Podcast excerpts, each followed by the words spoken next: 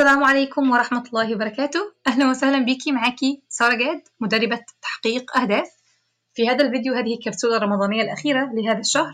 حابة أوي إن أنا أتكلم معاكم عن مفهوم مهم وإحنا دلوقتي نقترب أو إحنا بالفعل في العشر الأواخر. اللي بيحصل إن العيد قرب واللي بيحصل إن كتير مننا لما نقترب من العيد بنبدأ نحس إنه فضل كام يوم في رمضان أنا لم أحسن استثمار رمضان بنبدأ نتوتر. وسبحان الله بتبقى فرحة العيد دايما فيها حزن إن إحنا ما عملناش كويس في رمضان. ده شعور طبيعي. بس اللي أنا عايزة أكد عليه هنا إنه أنا عايزاكي دلوقتي وانت في العشر الأواخر تستحضري فرحة العيد. وإن دوت عيد كتبه الله سبحانه وتعالى على المسلمين. في ناس كتير في العيد تيجي تكتب عيد عيد بأي حال عدت يا عيد ويقعدوا يقولوا كلام كده أشعار كلها كئيبة وحزينة. وهذا ما لا بنسمع به على فكرة في السنة. السنة النبوية إنه بالعكس العيد فرحة وبهجة. أكثر حاجة بنفرح بيها صح؟ فأنا عايزاكي دلوقتي وانت حاليا في رمضان فكري نفسك بفرحة العيد. فكري نفسك إن هذا العيد هو تتويج للصائم تتويج لينا تتويج لينا كلنا لهذه الأمة كلها. الله سبحانه وتعالى يحب أن نفرح في هذا العيد. ففكر نفسي لحظة الفرحة الكبيرة جاية فأنا دلوقتي وأنا في رمضان عايزة أستشعر هذه المعاني في نهاية رمضان وعايزة أفكر نفسي إنه الله سبحانه وتعالى هو الذي يفتح علي بالعبادات. لو ربنا رزقك شعور بالخشوع في لحظات معينة احمدي الله سبحانه وتعالى عليه. لو دوت ما حصلش مفيش مشكلة. كملي سعيك وكملي عبادتك لله سبحانه وتعالى. حاولي بس إنك تكوني حاضرة وإنك تكوني مركزة في العبادات قدر المستطاع. جهدي نفسك إنك تكوني فعلا مركزة وحاضرة قبل المستطاع. وافتكري افتكري افتكري افتكري رحمة الله سبحانه وتعالى والعتق من النار. نعم أنا محتاجة إن أنا أجتهد في العبادات ومحتاجة إني أعمل كل ده بس هي محتاجة منك لحظة صدق مع الله سبحانه وتعالى.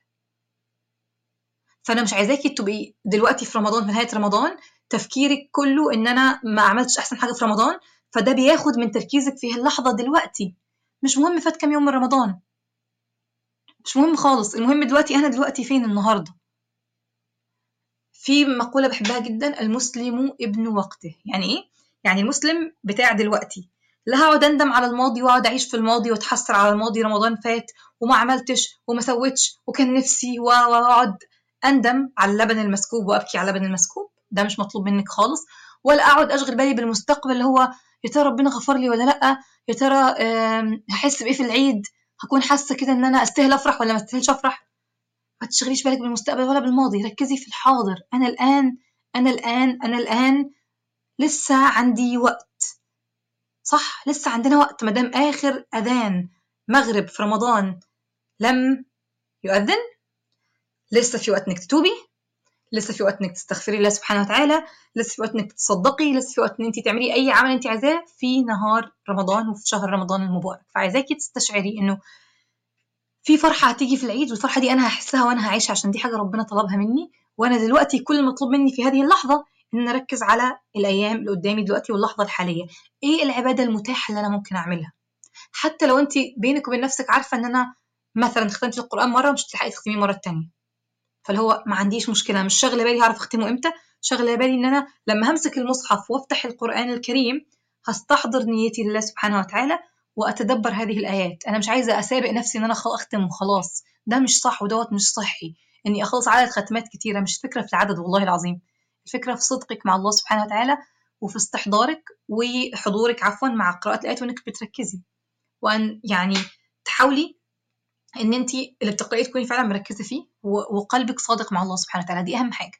مش مهم صليتي كام ركعة. خالص. المهم إن انت وانت بتصلي ايا كان عدد الصلوات ديت إيه أنا مركزة مع الله سبحانه وتعالى. أنا أحاول إن أنا أجدد نيتي. هجاهد نفسي. جهاد النفس فعلا حاجة مهمة جدا جدا جدا. عايزة أجاهد نفسي في اللي أنا بعمله وأعمله بأفضل طريقة ممكنة بالنسبة لي. وأنا عارفة إن كتير منكم ممكن هي بيجي لها الحيض في نهاية رمضان. بعضنا ممكن ابنك يمرض لو انت أم أو ممكن والدتك مثلا خلاص عايزة تعمل كحك ليه عايزة تعمل كل الحاجات دي وعايزاكي تساعديها. مش هقول لك سيبيها وتقففي في وشها وحسي إنها بتضيع لك رمضان لأ.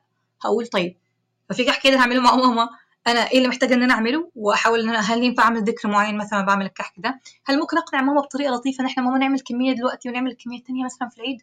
واوعدك إن أنا بجد هعملهم وفعلا تكوني صادقة في الوعد دوت. فالفكرة كلها إن أنا هركز على المتاح بالنسبة لي دلوقتي.